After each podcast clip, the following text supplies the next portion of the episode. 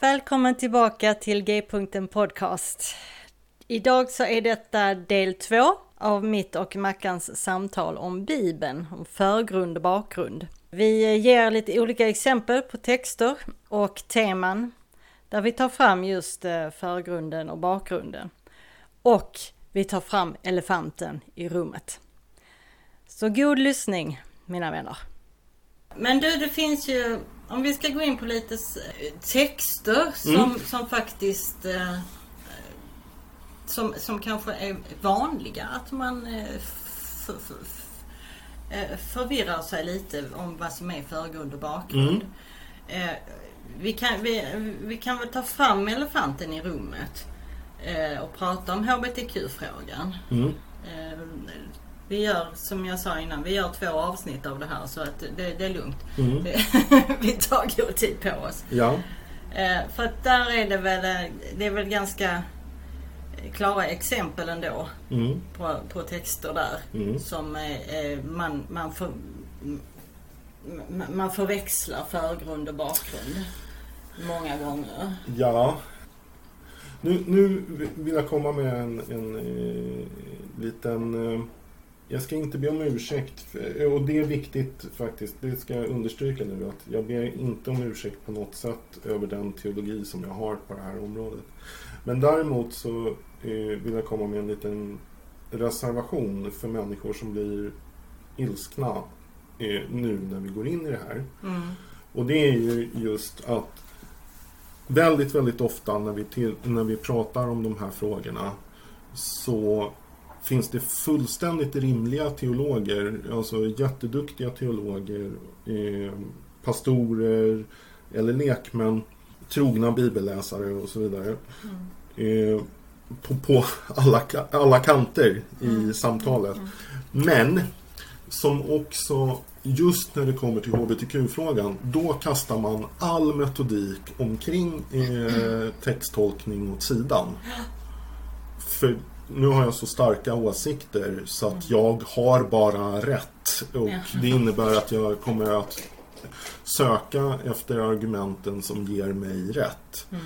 Och eh, vad jag vill göra nu det är ju att faktiskt vara ärlig i att bara Okej, okay, men tillämpar vi samma verktyg på de här texterna som vi gör på alla andra texter? Det vill säga eh, vad är förgrund och bakgrund? Hur ska enskilda ord översättas? Vad är den historiska kontexten? Vad handlar texten egentligen om? Eh, inte enbart finns ord som jag tolkar som homosexualitet i en bisats i den här bibelversen. Eh, då, eh, utan eh, just så här, om, om, vi, om vi håller oss till de här verktygen som vi har pratat om nu i, i två avsnitt, du och jag. Mm då blir det, jag ska inte säga omöjligt att komma fram till, till eh, en HBTQ-exkluderande teologi. Men det är så gott som omöjligt därför att man måste släppa taget om Bibeln för att göra det. Mm, mm.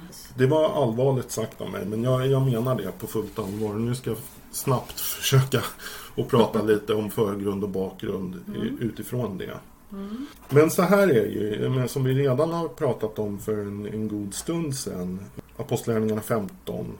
Mm. Eh, och det blir ett nyckel, eh, det blir ett ny, eh, en nyckeltext. Mm. Där nämns inte, eh, eller vi kan backa bandet. Vi, gör så här. Homosexualitet nämns inte i Bibeln, punkt. Punkt ja. Alls. Nej, nej. Eh, om vi snabbt tittar igenom de handfull texter som människor hävdar handlar om homosexualitet mm. så är det ungefär det är kanske tre i Gamla Testamentet och tre i Nya Testamentet. Möjligen fyra i Gamla Testamentet och tre i Nya Testamentet. Mm. Och ingen av de texterna skulle någon säga att för, först och främst är det här är nyckeltexter för att förstå kristen tro. Nej, just det. Så redan där är de i, i bakgrund, mm. om vi säger så. Tar man bort de texterna så ändras ingenting i hur vi ser på Gud Fader allsmäktig Nej, eller, eller Kristus eller anden eller, eller så.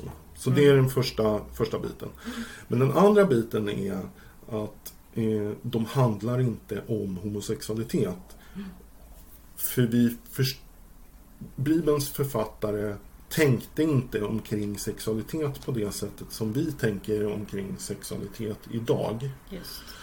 Utan det som, eh, som angrips så att säga eller fördöms i texterna är sexuella övergrepp. Just. Och sexuella övergrepp är lika fel om det är eh, vad heter det, kvinnor som utsätts eller män som utsätts eller barn som utsätts eller vad det nu är för någonting. Och det kom, kommer jag gå in på sen. Eh, för det blir väldigt, väldigt tydligt när vi tittar på romarbrevstexten som, som folk brukar hänvisa till eh, om homosexualitet. Att det handlar faktiskt inte om homosexualitet. Det handlar om, vad heter det, övergrepp Mm, helt enkelt. Eh, och all, alla texterna som kommer ur breven, eh, även första Korinthierbrevet och nu kommer jag inte ihåg, vad det Tim, första Timoteus va? som är, handlar om övergrepp. När vi pratar om eh, texten om Sodom är det ju supertydligt att det handlar om övergrepp. Mm, mm, precis. Eh, alltså, eh, därför att ska vi läsa den som att det här handlar egentligen om homosexualitet som vi förstår det idag. Då ger det oss en gudsbild där det skulle vara okej att Sodoms män våldtog döttrarna. Ja, just det. Gud, Gud skulle vara okej med det. Då skulle inte domen ha fallit. Men just eftersom eh, de hotar att våldta männen så faller domen. Liksom. Så är det inte naturligtvis. Utan det, är, det här är ett, eh, ett sexuellt övergrepp. Eh, och det är i och med det som, som domen faller liksom, över, över Sodom. Så den texten handlar om någonting annat. Första eh, Romarbrevet-texten handlar också om någonting helt annat. Eh, eh, så. Men så de här sakerna vill jag att vi har klart för oss när man, när man pratar om, om förgrund och bakgrund när det gäller eh, just eh, HBTQ-frågorna.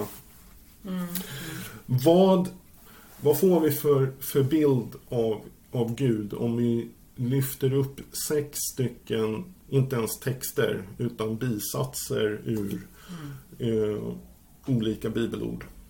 Från sex olika ställen i Bibeln. Som inte handlar om homosexualitet. Och så bygger vi lära på det. Och jag hävdar att det är ett, eh, det är ett väldigt dåligt sätt att bedriva dogmatik. Jo, Det- kan man ju säga. I min uppfattning. Eh, eh, Vi skulle aldrig tillåta oss att eh, bygga lära på det sättet eh, om någonting annat. Liksom i våran tro. Och det innebär därför att vi måste säga att det här är en bakgrundsfråga. Alldeles oavsett hur vi tolkar de här sex bibeltexterna. Så måste det vara en bakgrundsfråga. Därför att i övrigt i det är ju liksom 730 kapitel eller någonting sånt där i, i, i hela Bibeln. Liksom. Och det här handlar om bisatser på sex olika ställen. Ganska slumpmässigt genom Bibeln. Men sen nu då så kommer Apostlagärningarna 15 och det är en viktig text för att den handlar liksom om eh, våran ställning, vi hedningar, kristna. Mm, ja, just det. Mm. Eh, i, eh, kan, vi, kan vi vara kristna utan att följa eh, lagen? Och det som är intressant är att i, post, i Apostlagärningarna 15 så, så står det ingenting om homosexualitet. Nej, just det. Eh, Så det är, tydligen inte ett av buden som vi ska följa, eller måste följa i Nej. alla fall. Eh, Även om vi tror att Även de som tror att det här är ett bud emot homosexualitet i tredje Mosebok. Eh, Så Apostlagärningarna 15 säger inte att det är någonting som vi måste förhålla oss till. För det är inte det som är det viktiga liksom, av, de, av de grejerna som de lyfter fram. Nej. Och första eh, generationerna kristna som skrev en massa böcker som inte är med i Bibeln, men om vi tar Didache till exempel då, eller eh, alltså de tolv apostlarnas träning kallas det för på Ja, svenska. precis, precis. Eh, när, man, när man tittar på, eh, på den så finns det med där också så här, vad, vad är sexuell synd och så vidare. Det är ju ganska tydligt att bara, det är inte okej att ligga med barn. Nej, just det. Inte små pojkar och inte små flickor. Ja. Eh, och, eh, och så. Och vi ligger inte med varandras eh, hustrur. Liksom, eller män då kan jag säga inom parentes. Eh, och eh, sex hör, hör hemma liksom inom äktenskapet och sen kan man då naturligtvis fundera över vad, är, vad konstituerar ett äktenskap och sådär. Det är en annan fråga. Ja. Men, eh, men det är vad som står där. Inte heller någonting om homosexualitet. Hmm, konstigt. Det borde ju ha funnits med här om det var en stor fråga. Liksom. ja, exakt. Och det gör inte det genom kyrkohistorien överhuvudtaget. Eh, det finns eh, lite så här... ehm, ja, det gör inte det. Utan det, det är liksom senare. Det är på 1800-talet när vi, när vi börjar prata om, om psykiska sjukdomar som först ordet heterosexualitet uppfinns som en sjukdom. En, det är en, en, en diagnos. Just det. Ni vet, sådana där jobbiga par som har sex bara för skojs skull. Ja, ja, ja, sån, de ja. Ja, de är tydligt psykiskt sjuka. Ja, just det. Mm.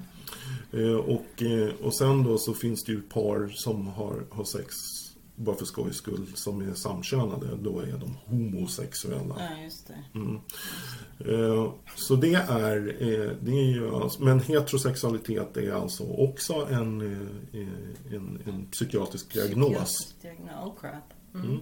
Eh, Men det här visar ju också då, som vi har pratat om tidigare, att ord ändrar betydelse över tid och så Mm. Ja, vidare. precis. Därför att Det var ju det här med ke- ketchupfällan som vi Ja, pratade om förra precis. gången. Att eh, det Precis. ändras. Så heterosexuell idag Ja. betyder någonting annat än ordet heterosexuell betyder 1880. Mm, mm, exakt. Eh, Och homosexuell idag betyder någonting annat än vad homosexuell betydde 1880 då, då eh, det används för första gången.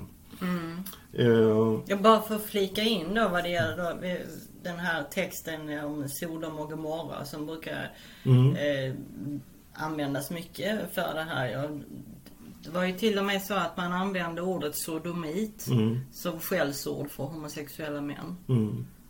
Eh, och det har ju inte gjort saken bättre om man säger.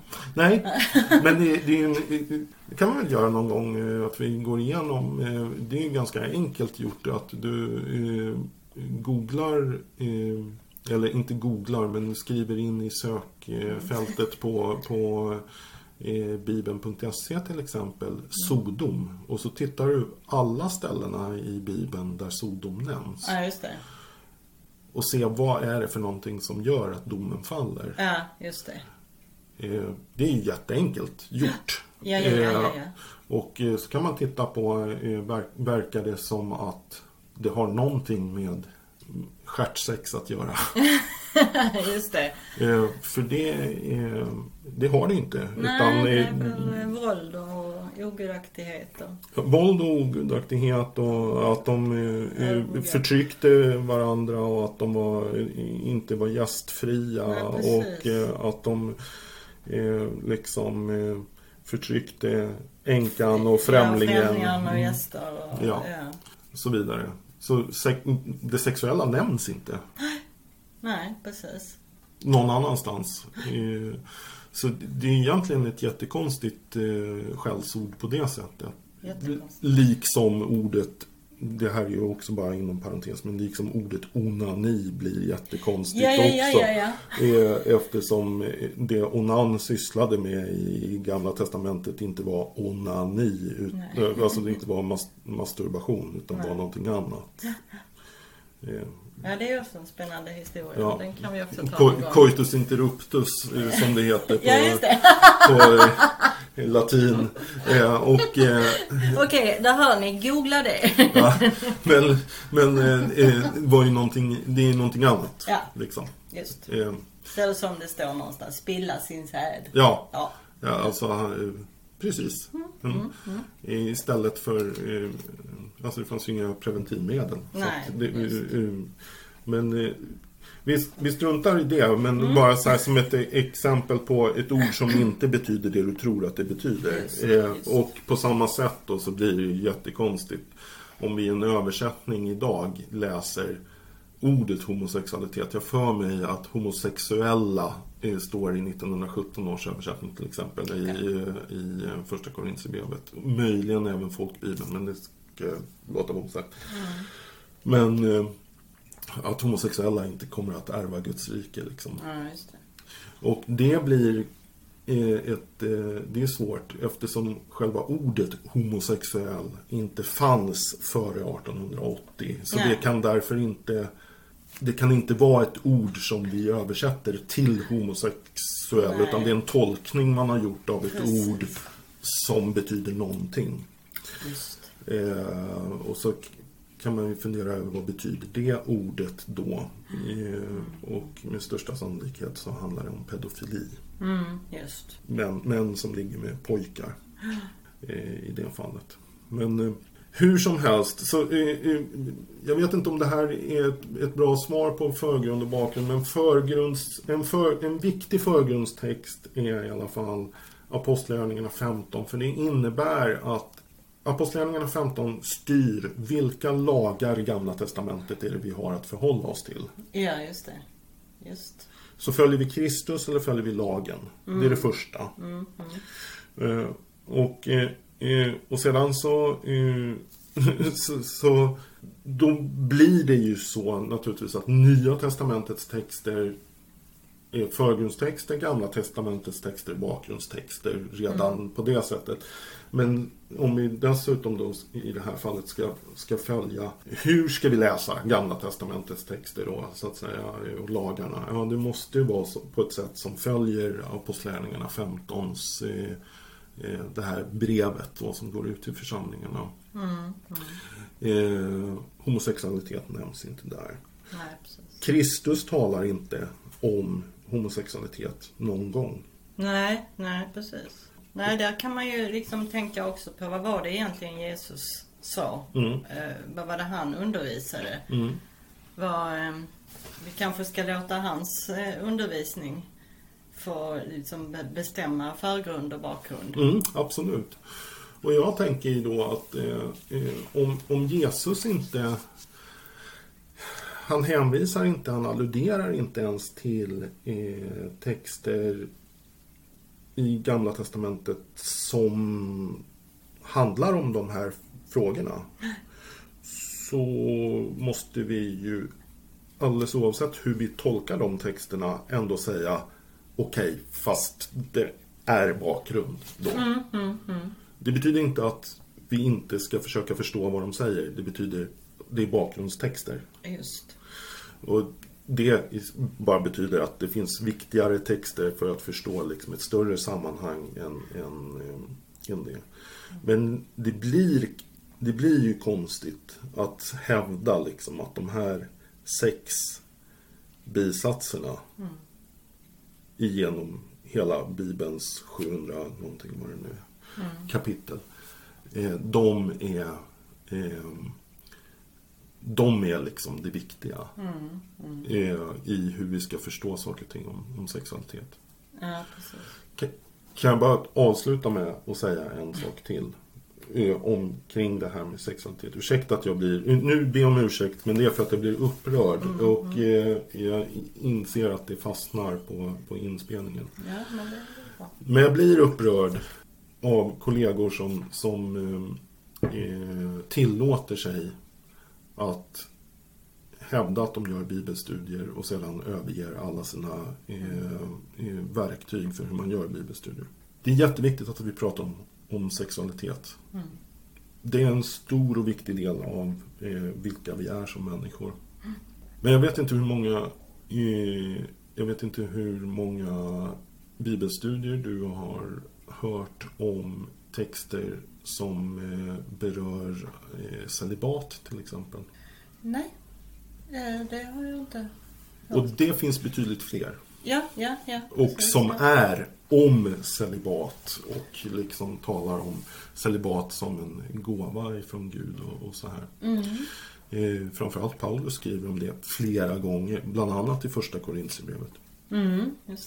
Hur kan det vara så att vi, vi tror att när vi pratar om sexualitet att HBTQ är en större eller viktigare fråga omkring det här eller omkring vår förståelse om sexualitet överhuvudtaget än celib- celibat eh, kontra ha sex på något sätt överhuvudtaget.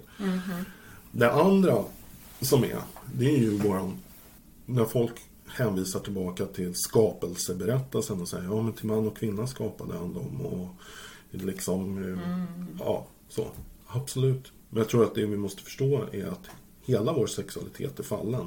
Det finns ingen heterosexualitet som är den helgade sexualiteten och sen så finns det en ohelig HBTQ-sexualitet. Nej, nej, nej. Utan all sexualitet är fallen. Allt är un, allting är lagt under fall, eh, fallet. Liksom.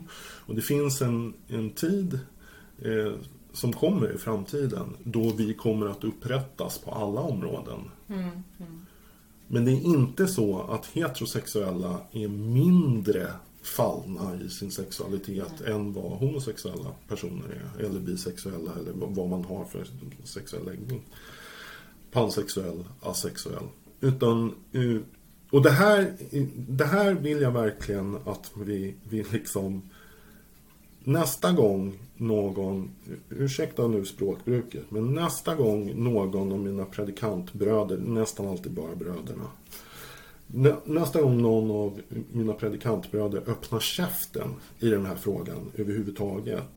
Då vill jag höra bibelstudiet omkring, vad heter det, sexuell, eh, alltså att våran fallna sexualitet, allihopa. Om upprättelsen av våran fallna sexualitet som ligger i framtiden. För det är viktigt, det finns till och med med i, i trosbekännelsen. Vi tror på ett evigt liv. Ja, precis. Ja. Ja.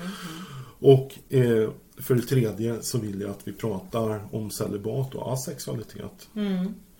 Eh, för med mindre än att eh, ni gör det, då har ni verkligen, verkligen, verkligen tagit bakgrundstexter till och med inom det här området som Bibeln faktiskt pratar om. Och bara, ja, så här säger Bibeln. Bara, Nej, så säger inte Bibeln. Dels har du missförstått vad texten säger, dels har du missförstått vad orden i texten betyder, dels har du missförstått i vilket sammanhang texten står, dels har du missförstått i vilken liksom, historisk kontext som det hela står, dels har du missförstått liksom, vikten av texten. ja, visst. Jag är ledsen mina eh, kära predikantbröder, men vill ni börja diskutera de här texterna och vad de verkligen betyder och komma come at me liksom med era eh, grundtextstudier eh, and what not.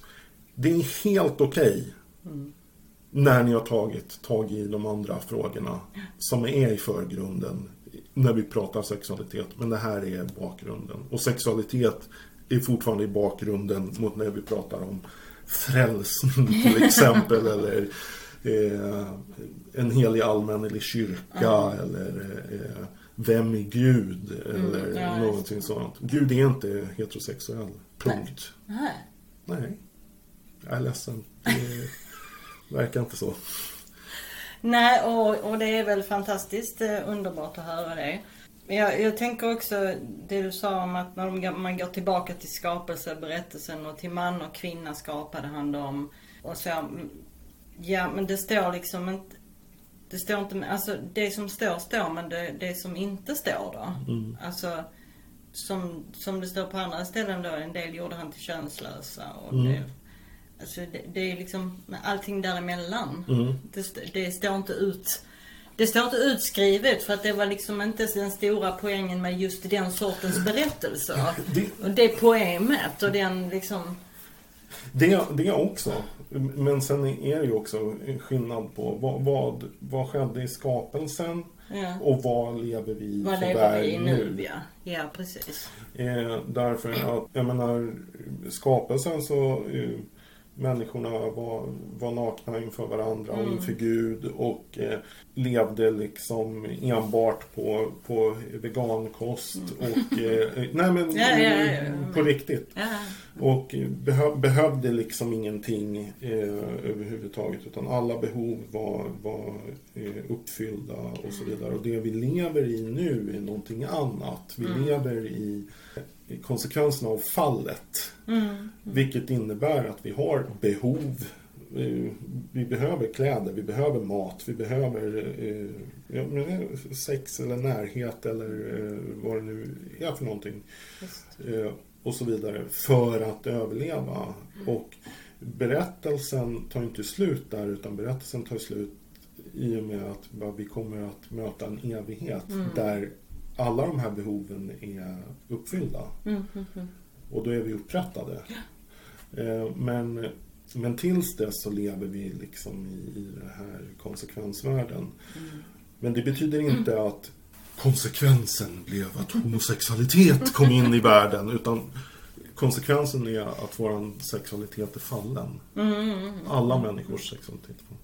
Förlåt. Ja, Det ja var- men nej, nej, sluta. Nej, men lite så. Eh. Alltså, jag, jag är ganska... Jag är, jag är, jag är, det här är... Jag ska inte säga att det är en, en kulle jag är beredd att dö på. Därför att det är så pass liten. eh, Det är inte ens en kulle. Det är liksom...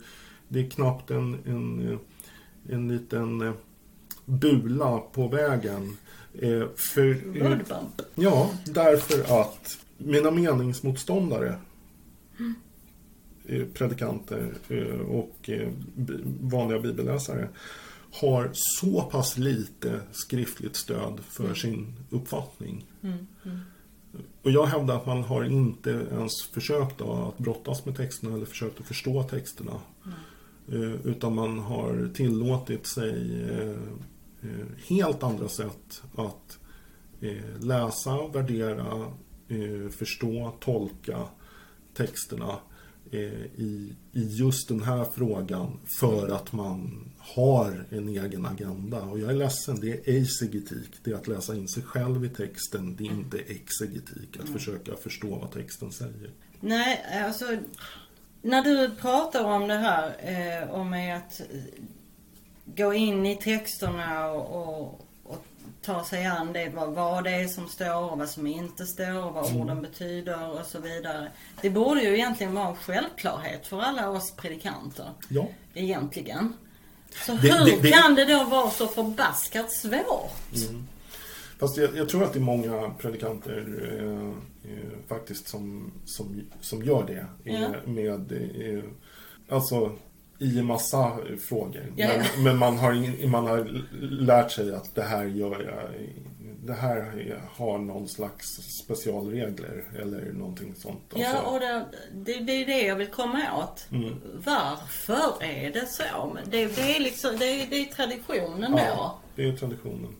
Men det är, det, det, det är på samma sätt egentligen om vi pratar om eh, traditionen omkring hur vi tolkar skrift och, och så här.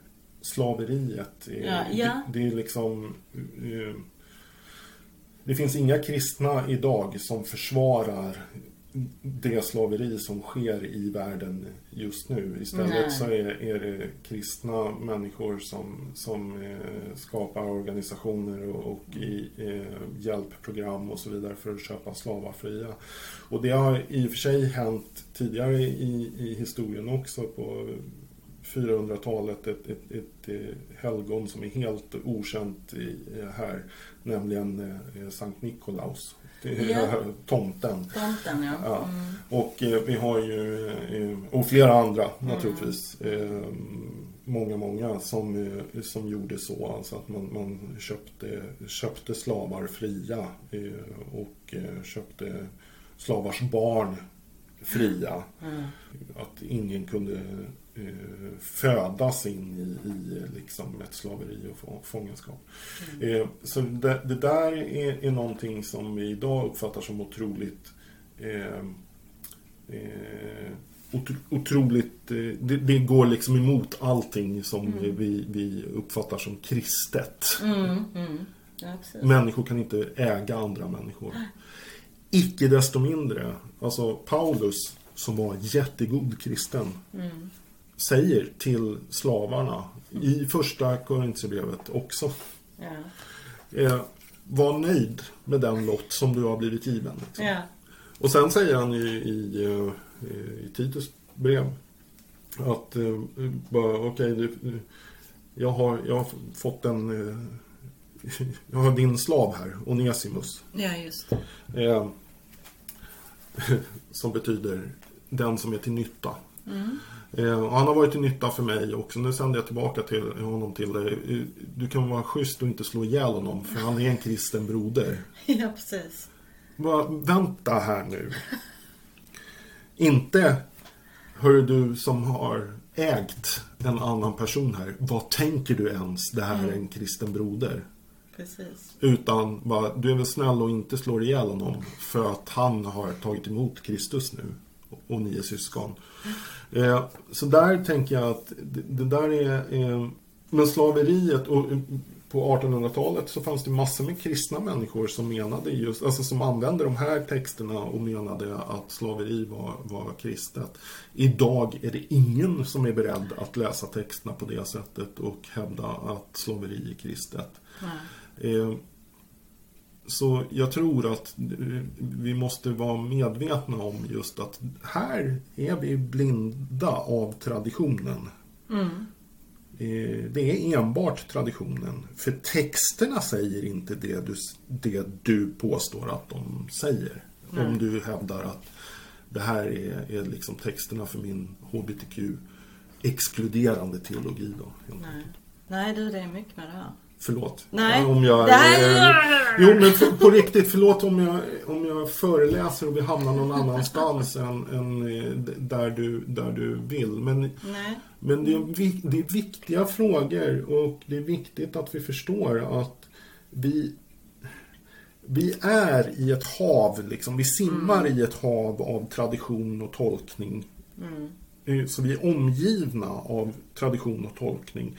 Och eh, vi är genomvåta av den tradition och tolkning som vi liksom simmar runt i. Eh, och eh, det är svårt att eh, liksom torka sig eh, fri ifrån det när vi själva ska, ska ta ställning till vad, vad texterna säger. Men det är det vi är kallade till att göra. Ja, ja precis. Nej, jag tänkte på det just med den texten då vad det gäller slaveri, eller den texten, de texterna. Ja, Ehm, och att det är så, så vanligt i, eh, i Bibeln ändå. Att eh, ja, men det, det var liksom en normal grej på något sätt. oh ja. Eh, som sen då utvecklas. Mm. Eh, evolveras. Precis som det här med vad som är eh, tillåtet för oss med lag, ur, ur lagen och då ja äta och äktenskapet och också. äktenskapet Mm. och så vidare och så vidare. Eh, och nu är det ju som du säger, det är kristna organisationer som, som eh, bekämpar just det, den, eh, det slaveri som finns idag. Det kan vi bara nämna då här att eh, Frälsningsarmén i Sverige till och med har ju ett stort arbete vad det gäller anti-trafficking. Oh ja. Så det är ju där, där, där jag finns i Malmö så finns det ju ett, finns det ju ett sånt center. Just, Exakt. både för kvinnor som är utsatta för trafficking men, men vi möter ju också män som eh, har Mm. som blir utsatta för trafficking, eh, inte då nödvändigtvis sexuella tjänster men eh, däremot ett slav, slavarbete helt enkelt. Precis, Mm. precis. Så, så det, problemet finns fortfarande. Oh ja. men, eh, men nu är det tvärtom så att vi, eh, alltså det är de kristna som, som tar tag i det. Mm. På något sätt. Men man påstår ju, eh, FN påstår eh, nu att eh, det har aldrig funnits så många slavar Mm. i världen som just nu. Oj. Ja. Och det är ju, eh, det borde stämma oss till större eftertanke och Mm. eh, göra oss mer ilskna och mer motiverade att, eh, att tala högt om, om det, så att Mm. säga. Eh, och agera på det. Vi har ju slaveri, både trafficking eh, och så som vi upplever här i Europa, men jag menar, du har ju slaveri i, i eh, Kina där du har barn som inte får betalt annat än i mat för Mm. att sätta ihop våra iPhones liksom. Ja, eller eh, sy våra fotbollar eller träningsskor eller vad det nu är för någonting. Eh, Och du har slaveri på, på flera olika sätt.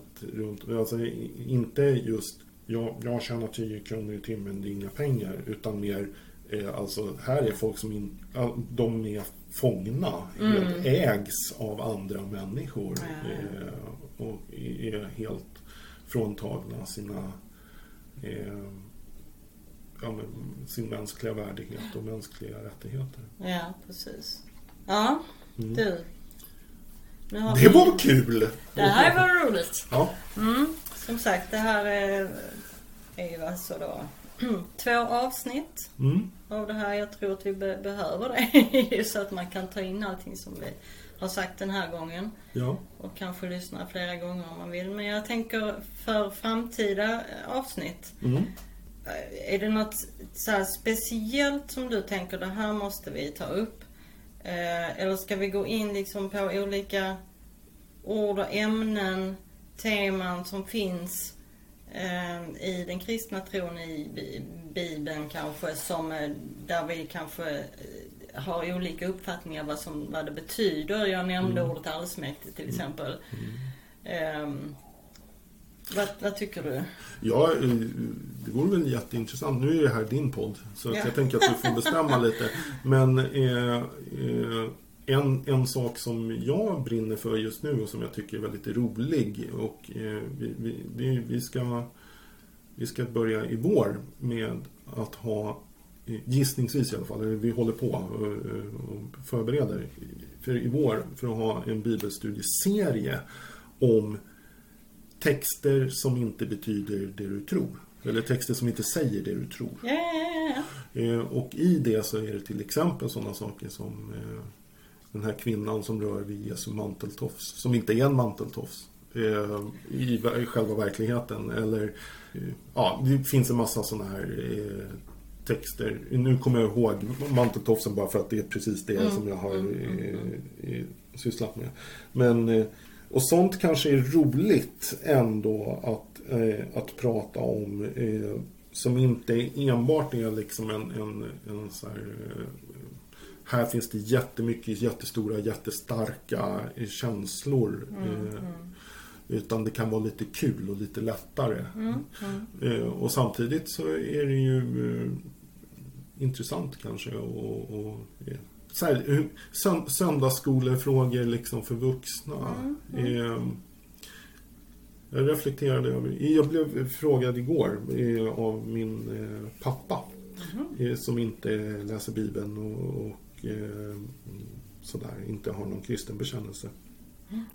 Eh, som blev frågad av pappa igår, vad hette Jesus i efternamn? Josefsson. Nej. Eh, eh, eh, därför att det Bi- Bibeln säger är ju någonting annat. Ja. Nämligen att är inte det där Jesus Marias son? Exakt. Så. Och det är inte Kristus som är hans efternamn. Nej, Nej, och inte, det ska vi göra klart. och inte också. Davidsson heller. Nej, nej. Men, men han kallades ju alltså, och det var ju som ett skällsord. Liksom. Ja, Just, Marias ben, ben, ben Mariam, inte Ben Josef. Och, eh, eh, och det tänker jag, sånt, sånt där kan vara lite kul ändå att eh, liksom fundera över.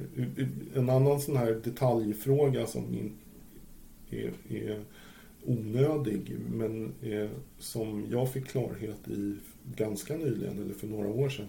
Det var det här att Jesus i eh, Eh, han, I Matteus evangeliet så säger han en massa saker som, eh, som sägs i bergspredikan. Och i Lukas evangeliet så är det istället en Slätt. slättpredikan. Eh, och nu hör jag att du garvar för att du vet. Eh, men för mig var det där ett, ett, eh, inte ett problem, men någonting som skavde i min söndagsskolehjärna och i mitt söndagsskolehjärta. Var det eh, eh, på berget eller var det på slätten han sa det. Sen började jag läsa teologi och så tänkte jag, ja men det är naturligtvis så, eh, när jag läste homiletik. Mm. Det är naturligtvis så att Jesus återanvänder ett predikoutkast på två olika ställen.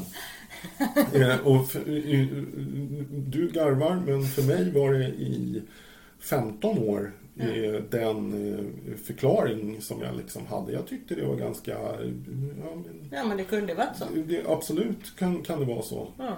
Och jag säger inte att det inte, att det inte var så. Det är bara det att både du och jag har varit på saligprisningarnas berg Mm, mm. eh, och vet att det är en platå.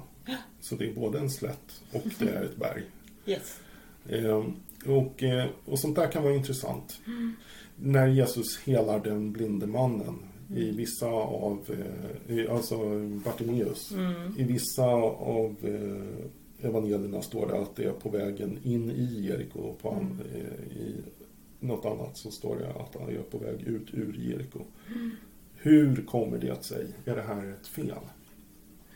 Och det finns jätteenkla och rimliga förklaringar till alla de här frågorna. Eh, Jag tänker att sånt kanske vore kul att prata lite om ibland. Så här, som inte är, allting är, behöver inte vara på blodigt allvar. Utan Nej. det kan vara liksom, det här är bara intressant. Precis, nej men det tycker jag låter bra för nu har vi ändå haft Jag har haft lite tunga grejer. Ja, för att det kanske behövdes så här i Ja, början och ja. komma, för att komma in i det hela. Ja. Och då kan vi gå vidare och använda de verktyg som vi har liksom lärt oss nu Yes. då. och eh, till lite eh, lättare ämnen eller Ja. lite roligare. Ja. om man säger så. Yes. Ja, men det tycker jag låter jättebra. Men du, det här var ju jättekul. Vi försöker göra det fler gånger, att vi träffas på riktigt nu när man faktiskt får lov att göra det. ja, och framförallt om du ska bjuda på så här bra kaffe. Det Ja. är jättegott. Ja, eller så får du bjuda på nästa gång. Ja, det kan jag göra. i och för sig. Ja, det blir säkert också etiopiskt. Ja, Eh, ja det det var det jag tänkte. stor, stor favorit just nu Ja, faktiskt. just det. Ja, Men du, tack så jättemycket för den här gången. tack så mycket. Så eh, ses vi igen nästa gång. Tack. Hej hej. Och där har vi det. Om du gillar det här avsnittet så dela gärna med dig av det på dina sociala medier eh, eller till dina vänner. Och eh, har du feedback eller kommentarer och så, så gå gärna in på podcastens Facebook-sida till exempel och skriv ner dem. Skriv in dem där. Så kan vi eh, kanske både svara där och svara i senare eh, podcastavsnitt. Jag är tillbaka igen om en vecka med ett nytt spännande avsnitt. Så tills vi hörs igen, Grace and Peace my friends.